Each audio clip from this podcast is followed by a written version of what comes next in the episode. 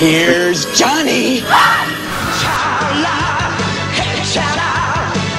They're coming to get you, Barbara.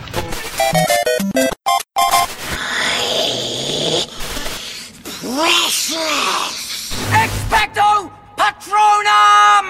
Look at me, Damien. Yippee-ki-yay, motherfucker. eherbata.pl eh, Gonna be legend. Wait for it. It's a trap! Dairy. Legendary. Żarłok i Skóra i Mando, Jerry, Szymas. oraz nasi goście. Konglomerat podcastowy. Wasze ulubione podcasty w jednym miejscu.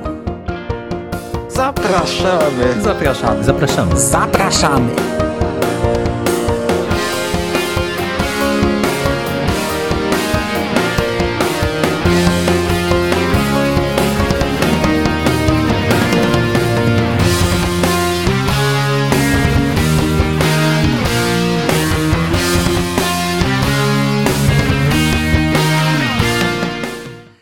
Witam w konglomeracie podcastowym, czyli na platformie, która zbiera wszystkie Wasze ulubione podcasty w jednym miejscu. Ja nazywam się Hubert Spandowski. Możecie kojarzyć mnie jako Mando z serwisu stevenking.pl albo podcastu Radio SK. A dzisiaj zapraszam Was na ostatnią już podróż po moich serialach, po serialach, które obejrzałem na bieżąco w minionym sezonie, w sezonie 2015-2016.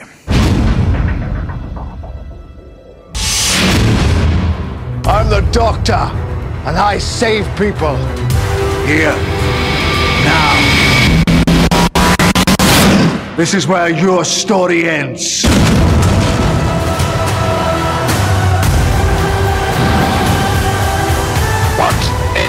Happening?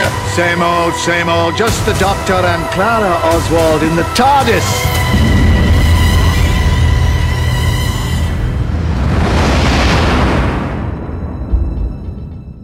I przyznam się, że no, końcówka tego cyklu podcastów była już dla mnie dość męcząca. Założenie tego cyklu było takie, by sobie po prostu wspominać o serialach, które się obejrzało, ale w momencie, gdy robię to po roku i wspominam cały rok, to nie jest łatwe. Są łatwiejsze seriale do wspominania, są trudniejsze. Niek z niektórych nie pamiętam prawie nic, z niektórych pamiętam tylko, czy bawiłem się na nich dobrze, czy nie. Założeniem tego podcastu, tej, tego cyklu podcastów, założenie było takie, by robić to bez jakichś większych notatek, po prostu opowiadać tylko o, swo o swoich odczuciach, o swoich wspomnieniach, nie robić jakiejś większej analizy. Tak naprawdę pierwsza część tego podcastu, którą nagrałem rok temu dla kombinatu, to był pierwszy podcast, jaki nagrałem w ogóle w życiu bez żadnych notatek. Mówiąc po prostu do mikrofonu. Po pięciu latach nagrywania pierwszy raz chyba nagrałem podcast w ten sposób. No ale teraz chyba, chyba gdy przyjdzie następny sezon, to chyba będę na bieżąco takie mikronotatki robił do tych seriali. Na zasadzie chociażby tylko wypunktowania, o czym chciałbym powiedzieć, bo to naprawdę się zapomina. No i myślę, że w nadchodzącym sezonie nie będę tego zostawiał na sam koniec i nie będę wspominał tak hurtowo, jak to robiłem przez te wakacje, tylko na przykład seriale, które zakończą się jesienią, te krótsze seriale omówię jakoś w miarę na bieżąco. To samo z serialami wiosennymi. Na koniec roku najwyżej podsumuję te długie, dwudziestoparoodcinkowe seriale, które będą ciągnąć się przez cały sezon. Na dzisiejszy podcast zostawiłem sobie trzy seriale, o których chciałbym powiedzieć troszeczkę więcej, ale będę się dziś streszczał, bo naprawdę, tak jak powiedziałem, jest cholernie ciężko po tak długim czasie powiedzieć coś sensownego, więc wolę jakoś tak ogólnie po tym przejechać, niż zacząć wchodzić w szczegóły i się tylko zapętlić. No to pierwszy serial, który chciałbym, o którym chciałbym powiedzieć kilka zdań jest Doctor Who. W minionym sezonie mieliśmy dziewiątą serię Newhu, nowego serialu po reaktywacji w 2005 roku. Ja bardzo lubię Doktora Who. Podobnie jak Supernatural, nie jestem w żadnym fandomie, nie, nie czytam żadnych for, nie śledzę żadnych serwisów. Po prostu lubię ten serial, oglądam go od dwóch lat na bieżąco. Przy czym no, traktuję go jako bardzo dobrą, jednorazową rozrywkę. Oglądam i już potem nie wracam do tematu, nie czytam analiz, nie wracam do odcinków. Chyba nie ma żadnego odcinka Doktora Who, który obejrzałbym więcej niż jeden raz. To jest taka fajna, jednorazowa przygoda jak dla mnie, która zaczęła się jakieś 4 lata temu. E, zacząłem wtedy oglądać e, tego Doktora Who właśnie po 2005 roku, te nowe sezony. I trochę ciężko było mi się wbić w to. No, pierwszy sezon jest dość e, toporny pod względem wykonania, ale to jeszcze mnie aż tak nie przeszkadzało. Jakoś ciężko mi było kupić całą tę koncepcję e, zmiany głównego bohatera, chociaż tak naprawdę to między innymi ona odpowiada za tak długi sukces i za, za to, że ten serial tak naprawdę mógłby się ciągnąć wiecznie. Na początku bardzo trudno było mi się odzwyczaić od poprzednich aktorów i przyzwyczaić do nowych. E, gdy pożegnaliśmy po pierwszym sezonie dziewiątego doktora, tak naprawdę no to był tylko jeden krótki sezon. Ciężko tutaj mówić o jakimś przyzwyczajeniu. Ja musiałem sobie zrobić dość długą przerwę. Gdy w końcu przyzwyczaiłem się do Davida Tenanta, to e, po czwartym sezonie no bardzo ciężko było mi się wbić w nowe realia, szczególnie, że wtedy zmieniło się w zasadzie wszystko. Zmienił się showrunner, zmienił się aktor grający doktora, zmienili się jego towarzysze i zmieniła się koncepcja na dalsze losy serialu. I pamiętam, że piąty sezon to było naprawdę ciężkie. Może gdybym teraz do tego wrócił, to pewnie oceniłbym go lepiej, ale pamiętam, że oglądając go wtedy, to ja czułem się dziwnie, a że słyszałem od ludzi, że dalej będzie jeszcze bardziej pochrzaniony, jeszcze bardziej pokręcony, to pamiętam, że no, rozważałem, czy aby jednak nie zrobić sobie rozwodu z tym serialem. Na szczęście akurat szósty, siódmy sezon to wszystko poszło gładko. I zmianę ze Smitha na y, Petera Capaldi, akurat to była zmiana, którą przyjąłem gładko. W zasadzie dwunastego doktora kupiłem od razu, od pierwszej sceny, od wejścia. I ósmy i dziewiąty sezon bardzo lubię.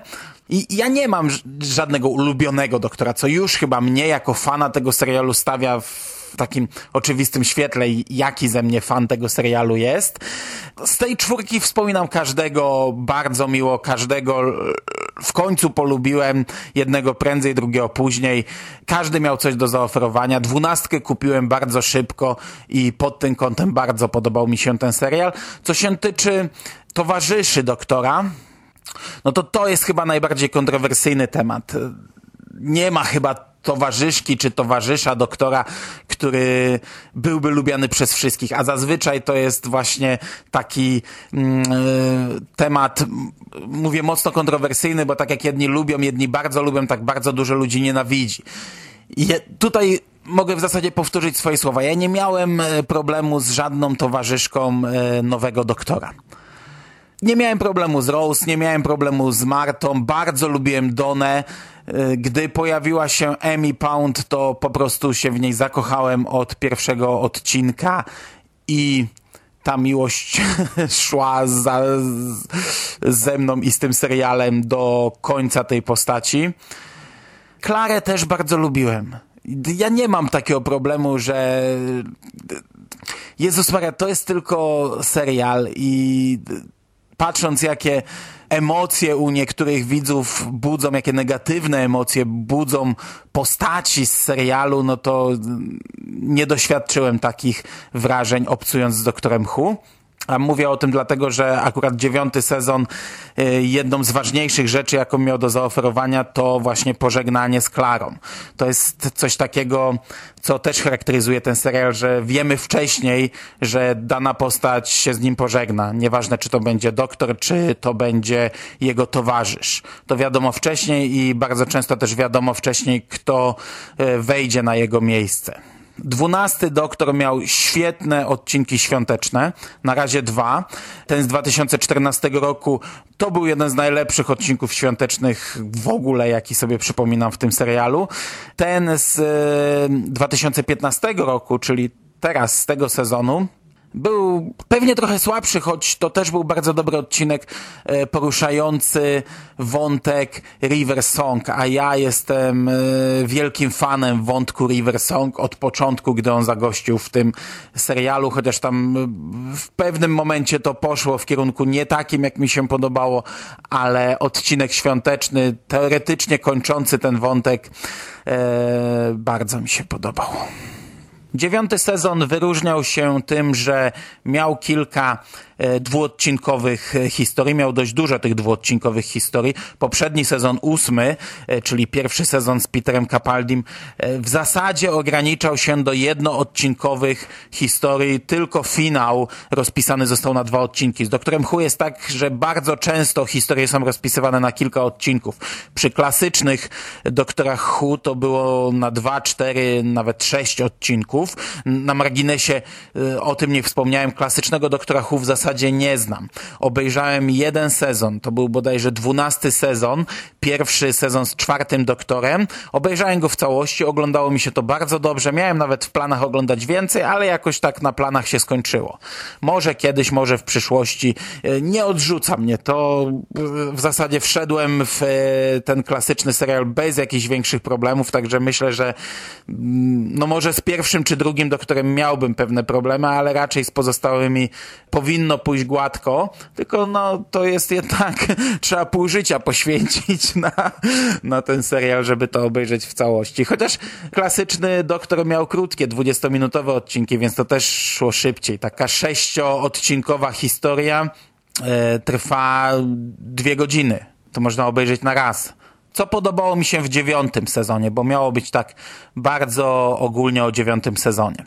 Podobał mi się początek, może nie sam pierwszy odcinek, chociaż ja z niego pamiętam już tylko zarys, ale drugi odcinek pamiętam dość dobrze i ten podobał mi się bardzo. To jest kolejny powrót Daleków, kolejny powrót Davrosa. Dostaliśmy niezły, niezłą historię dwuodcinkową o duchach pod wodą. Bardzo podobało mi się, podobała mi się historia mm, rozpisana na dwa odcinki. Dziewczyna, która umarła i kobieta, która przeżyła.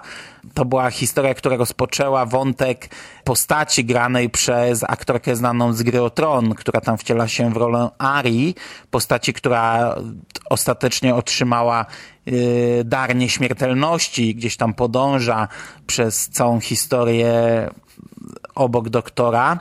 E, do tych odcinków chętnie bym powrócił, bo tak naprawdę to też pamiętam zarys, ale pamiętam, że sam pomysł na to spodobał mi się bardzo. Dziewiąty sezon dał nam jeden odcinek, to akurat była jednoodcinkowa historia zrealizowany trochę w konwencji found footage i to też była całkiem niezła historia. Natomiast samo odejście Klary było bardzo dobre w pierwszej części, ponieważ niestety to też trochę zostało pociągnięte chyba nie tak jak trzeba przez widzów, z którymi miałem kontakt. Finał sezonu był dość mocno krytykowany, natomiast odejście Klary, pierwsze odejście Klary miało miejsce w odcinku dziesiątym, który w ogóle miał już od samego początku kapitalną historię do zaoferowania, ponieważ trafiamy do takiej mm, zamkniętej jakby dzielnicy Londynu, która jest takim obozem e, kosmicznych uchodźców. Tam pojawia się znów postać grana przez e, aktorkę z Gry Tron, znów e, wraca postać Mi. No i ten odcinek kończy się teoretycznie śmiercią Klary i jest to wszystko pokazane bardzo dobrze. I tak naprawdę w tym momencie troszeczkę kopara opadła, bo Klara okazała się być chyba, poprawcie mnie jeśli się mylę, pierwszą towarzyszką doktora, która umarła. E, wcześniej były to różne rodzaje odejścia, ale chyba nigdy nie było śmierci, przynajmniej jeśli chodzi o tego nowego doktora. No i kolejny odcinek, jedenasty, przyniósł nam konsekwencje tych wydarzeń i to był chyba jeden z najlepszych odcinków w ogóle z całego odnowionego doktora. Doktor trafia do takiego tajemniczego miejsca i to miejsce okazuje się być taką jego prywatną, przeznaczoną tylko dla niego salą tortur. On tam przeżywa bardzo dużo czasu. Ten odcinek jest doskonale skonstruowany i finał y, tego odcinka, to do czego, do czego nas to wszystko doprowadza, y, to jest naprawdę jedna z, no najlepsza scena z tego sezonu. Potem dostajemy finał, ten klasyczny, yy, konkretny finał całego sezonu i to jest odcinek bardzo krytykowany przez yy, ludzi, z którymi miałem styczność. Pod wieloma względami nijaki, pod wieloma względami psujący coś, co zostało osiągnięte wcześniej, no bo wraca Klara i cała jej śmierć, wszystko to, co widzieliśmy dwa odcinki temu, tutaj nabiera trochę innego wydźwięku. Ta historia zostaje rozpisana tak naprawdę inaczej. Ja nie mam takich problemów jak większość widzów. Mnie się to oglądało ok, ja nawet kupuję te rozwiązania, chociaż wolałbym chyba, żeby to zostało zachowane tak, jak to zostało pokazane dwa odcinki wcześniej. Tak czy siak, no bez takiej głębokiej analizy ja nie mam do zarzucenia chyba nic temu finałowi. Mnie się to oglądało dobrze, to był kolejny dobrze zamknięty sezon. Wybaczcie, ale oglądałem to tak dawno temu, że to jest jedyne, co mogę o tym serialu powiedzieć. Niestety na kolejny sezon przyjdzie nam troszeczkę poczekać, yy, ponieważ on zostanie wypuszczony dopiero w 2017 roku. Teraz nie będzie doktora na jesień. Będzie to ostatni sezon Stevena Moffata. Cóż, no pozostaje tylko czekać. Jeśli nie oglądaliście serialu, to bardzo wam go polecam, chociaż jest to taki serial, w który dość ciężko się wbić. E, chyba, że komuś to podpasuje od razu. Pierwszy sezon e, z 2005 roku naprawdę może odstraszać topornością wykonania, e, chociaż on ma też kilka bardzo dobrych historii już do zaoferowania. Później oczywiście z tym wykonaniem jest coraz lepiej i na, na przykład gdyby zestawić ten pierwszy sezon z ósmym czy dziewiątym, no to to jest po prostu przepaść. Teoretycznie można zaczynać nowego doktora od każdej zmiany, od każdej reinkarnacji. Praktycznie, no, wydaje mi się, że to nie jest dobre rozwiązanie. Przykładowo, yy, tak jak powiedziałem, w piątym sezonie ten serial zmienił się bardzo mocno i tam się zmieniło w zasadzie wszystko. Twórca, wszyscy aktorzy, droga, jaką ma podążać dalej ten serial.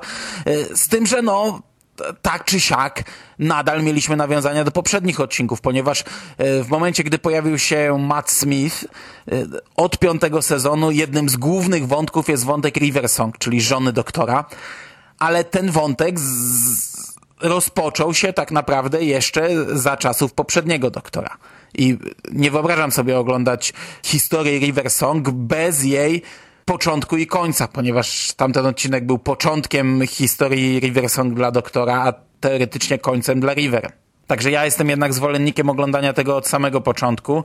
E, szczególnie, że tak jak mówię, każdy doktor miał naprawdę sporo do zaoferowania.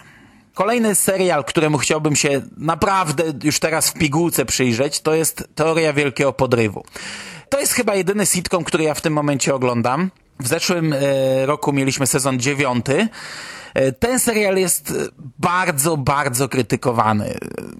W internecie noty, jakie on dostaje, oceny od kolejnych recenzentów, to już są naprawdę najniższe noty, jakie można dawać.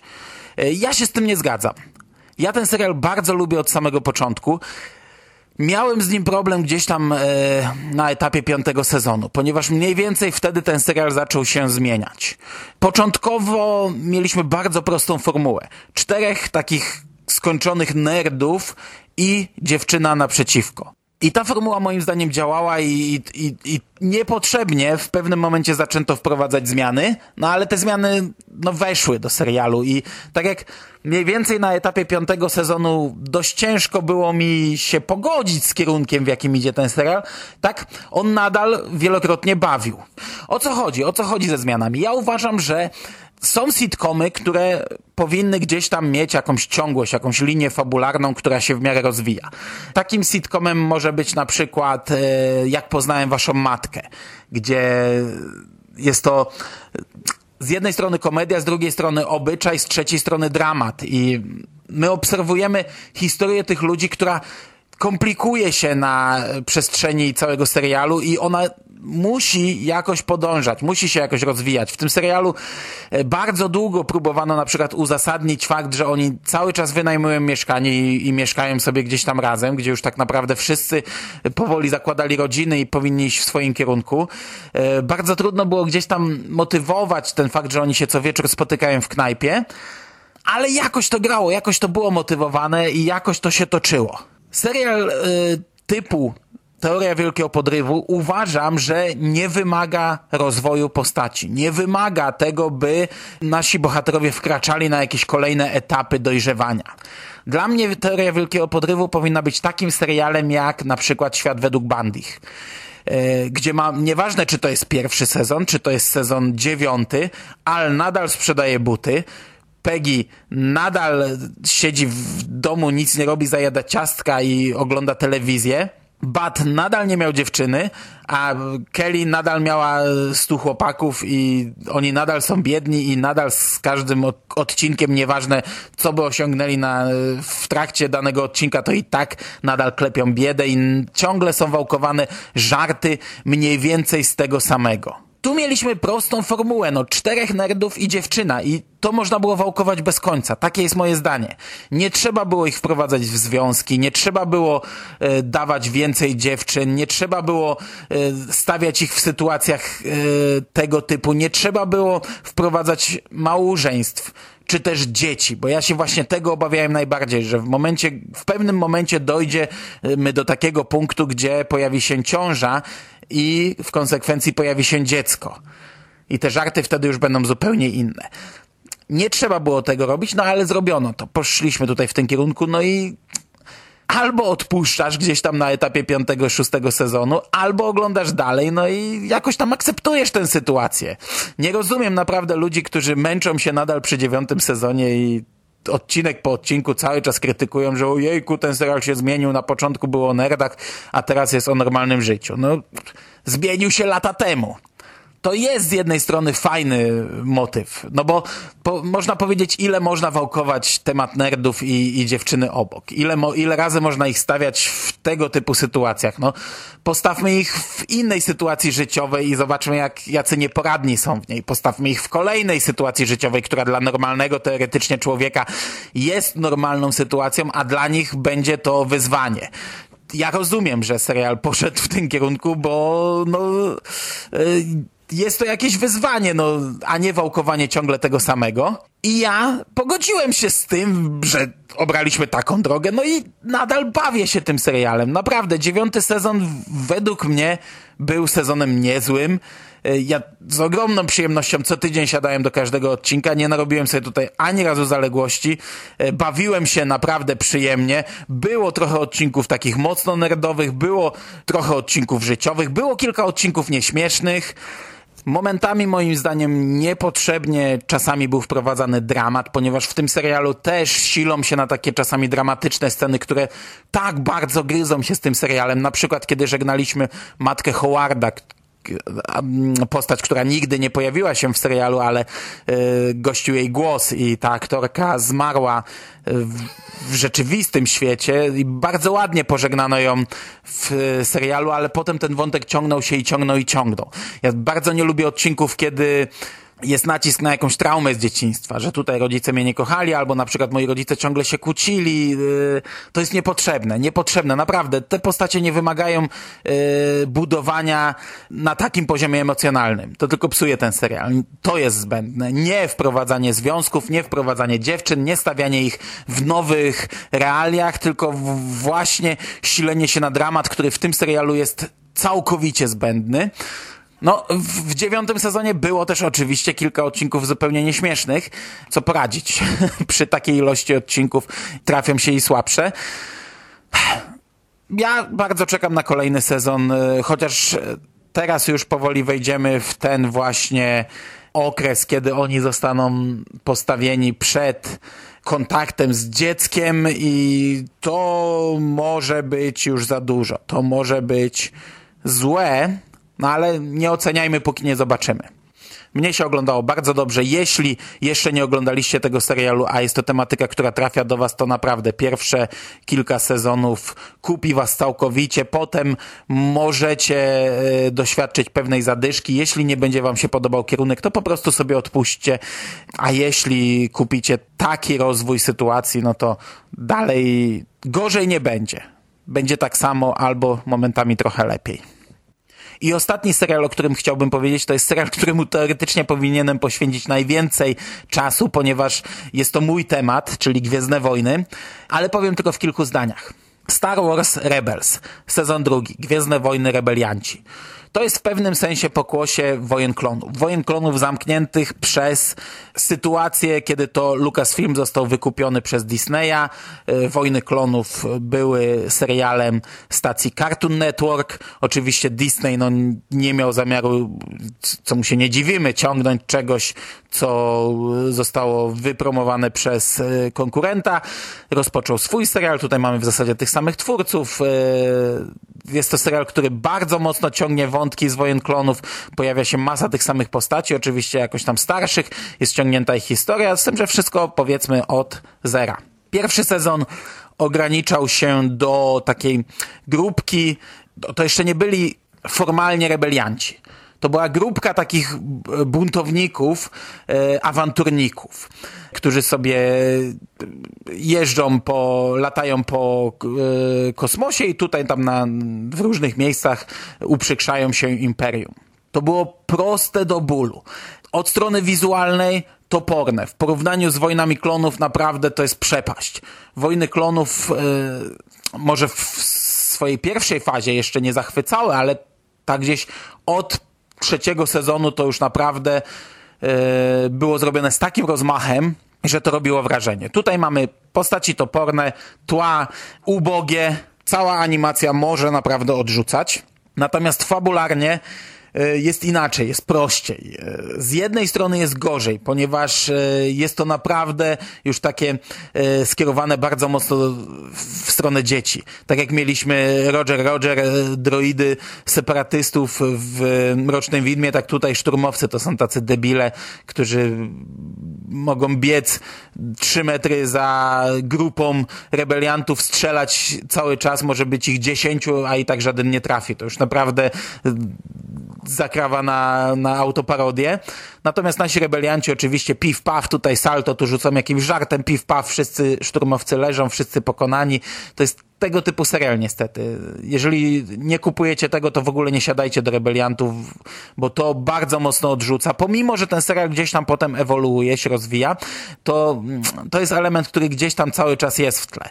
A na początku jest on bardzo, bardzo mocno y, na pierwszym planie. Mnie się podobało w Rebeliantach to, że to był ja pewnie już użyłem tego określenia kiedyś gdzieś, to jest bardzo mocno na wyrost określenie, ale taki trochę Firefly e, dla dzieci, w taki Firefly w takiej animowanej wersji gwiezdnowojennej, czyli jest to taka e, drużyna awanturników, e, która sobie lata i przeżywa różne przygody. Początkowo bardzo luźne, początkowo przyjemne w odbiorze, oczywiście jeśli to kupujemy, jeśli kupujemy taką konwencję. I to było naprawdę bardzo duża odskocznia od tego, co widzieliśmy w Wojnach Klonów, gdzie pomimo, że to był naprawdę bardzo dobry serial, no to gdzieś tam czuło się ducha prequeli, czyli bardzo dużo postaci, były wątki w Senacie, były odcinki całe w Senacie, mieliśmy te posiedzenia polityków, momentami on był naprawdę bardzo mocno przegadany i bardzo mocno napchany bohaterami, a tutaj nagle przeszliśmy w taką lekką, szybką strzelankę. Wesołą, e, w biegu, włączasz i nawet nie zauważasz, kiedy mija odcinek. To można porównać do sytuacji właśnie, e, jaką mamy przy filmach. No, tak jakbyśmy prequele porównali z e, Przebudzeniem Mocy, co dla wielu jest właśnie ogromnym minusem zarówno Przebudzenia Mocy, jak i serialu Rebelianci, co ja jestem w stanie zrozumieć. Natomiast drugi sezon rozwinął się trochę. Po pierwsze mamy już motyw Sojuszu Rebeliantów, bo tak jak w pierwszym sezonie oni byli sobie po prostu buntownikami, którzy gdzieś tam uprzykrzali się imperium i musieli przed nim uciekać, bo coraz bardziej wychodzili e, na pierwszy rząd, coraz bardziej pojawiali się na radarze Tak, w drugim sezonie oni już zostali odkryci przez Sojusz Rebeliantów, już są normalną bojówką Sojusz Rebeliantów. To niekoniecznie wszystkim pasuje. Taka sytuacja. Robi się mroczniej w serialu, ponieważ pojawia się Darth Vader, w końcówce pojawia się Darth Maul, powraca Rex i temat klonów. Szkolenie Ezry wchodzi na kolejne etapy. Ten serial naprawdę się rozwija, robi się coraz mroczniejszy, coraz lepszy, coraz ciekawszy, ale to nie oznacza, że nie ma odcinków z podobnym poziomem głupoty i prostoty, o jakim mówiłem wcześniej to nadal jest y, wielokrotnie lekka, przyjemna y, strzelanka piw-paw dla dzieci. Tak czy siak ja akurat Rebeliantów bardzo lubię i czekam na kolejny sezon, który zapowiada się jeszcze lepiej niż y, mamy to w sezonie drugim. Wszystko wskazuje na to, że ten serial naprawdę będzie się rozwijał bardzo szybko. Trzeci sezon ma już nawiązywać do Łotra 1. On już naprawdę zbliży się bardzo mocno do Nowej Nadziei. Nie mam pojęcia, jak długo to jeszcze będą ciągnąć, ale y, dla mnie Rebelianci są naprawdę przyjemnym serialem. I to by było na tyle, jeśli chodzi o seriale, które obejrzałem w minionym sezonie. Mam nadzieję, że dzisiaj nie było zbyt chaotycznie. Mam nadzieję, że nie było zbyt po łebkach, zbyt yy, może czasami też bez sensu. Jeżeli tak było, to przepraszam. W kolejnych odcinkach postaram się naprawdę lepiej wynotowywać wszystko, co miałbym ochotę powiedzieć o danym serialu. W minionym sezonie obejrzałem jeszcze cztery seriale, o których nagraliśmy już dłuższe odcinki. I teraz w dwóch zdaniach. Było to po pierwsze 22 listopada 63, serial na podstawie książki Stephena Kinga Dallas 63. Ta książka to jest moje, moja pierwsza trójka książek Stephena Kinga. Ja ją uwielbiam i sam serial również bardzo lubię. Moja ocena jest naprawdę bardzo wysoka. Jeśli chcecie posłuchać trochę więcej, trochę bardziej szczegółowo, to odsyłam do Radia SK, do odcinka, który nagrałem z Burialem. To jest dyskusja na temat serialu. Dla mnie był to jeden z lepszych seriali, jakie oglądałem w minionym sezonie. Kolejna rzecz, czyli Banshee. Banshee czwarty sezon. Y, całkiem niedawno nagraliśmy z Jerrym dłuższy podcast o całym serialu Banshee. Banshee czwarty sezon był sezonem finałowym. E, ja znów odsyłam do tamtego podcastu. On się ukazał na Jerry Tales, ale oczywiście jego przedruk pojawił się też w konglomeracie.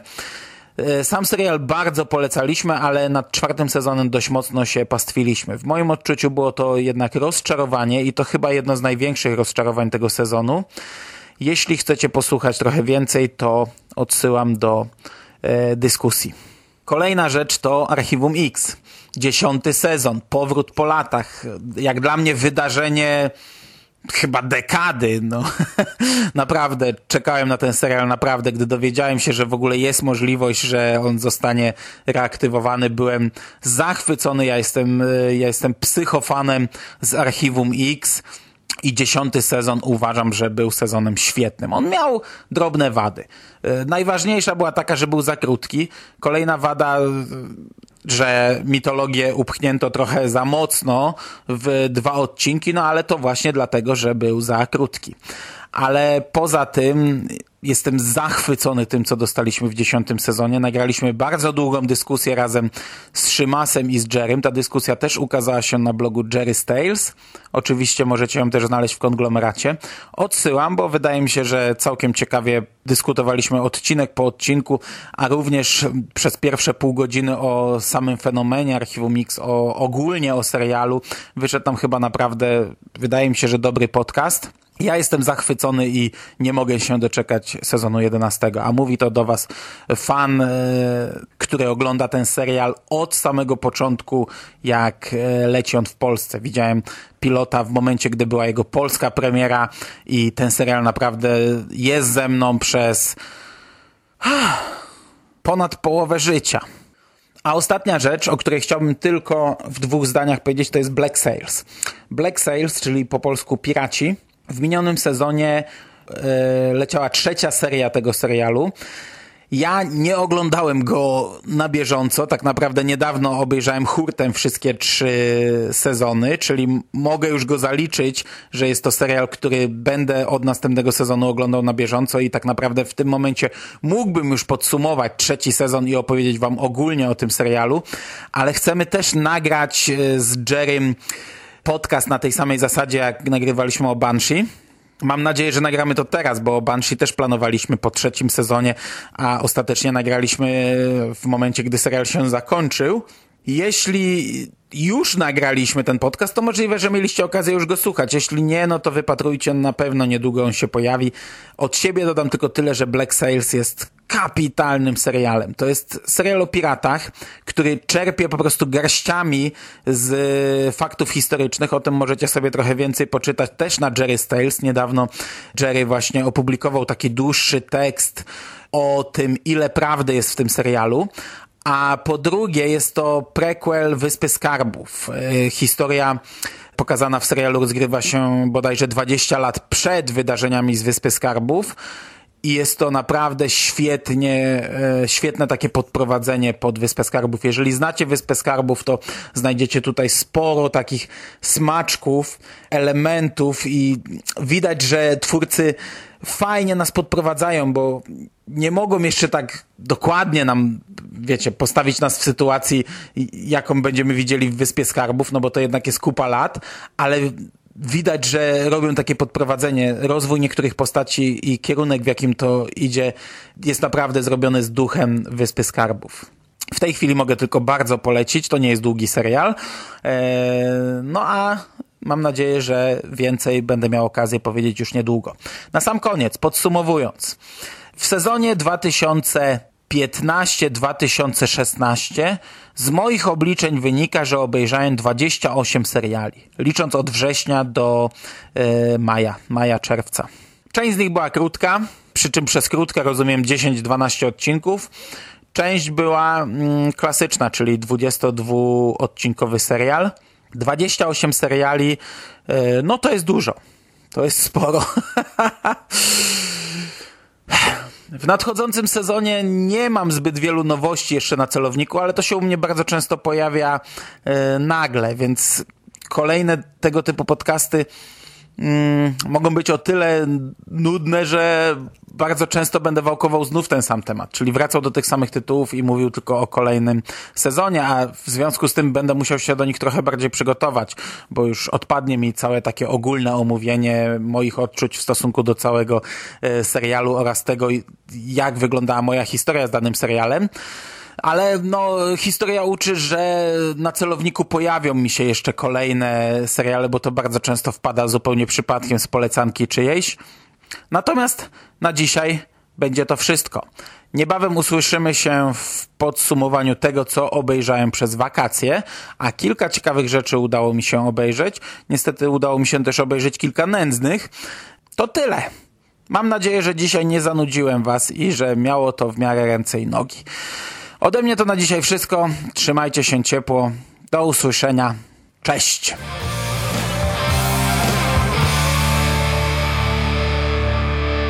You finished? That's it, man. Game over, man. It's game over. What the fuck are we gonna do now? What are we gonna do?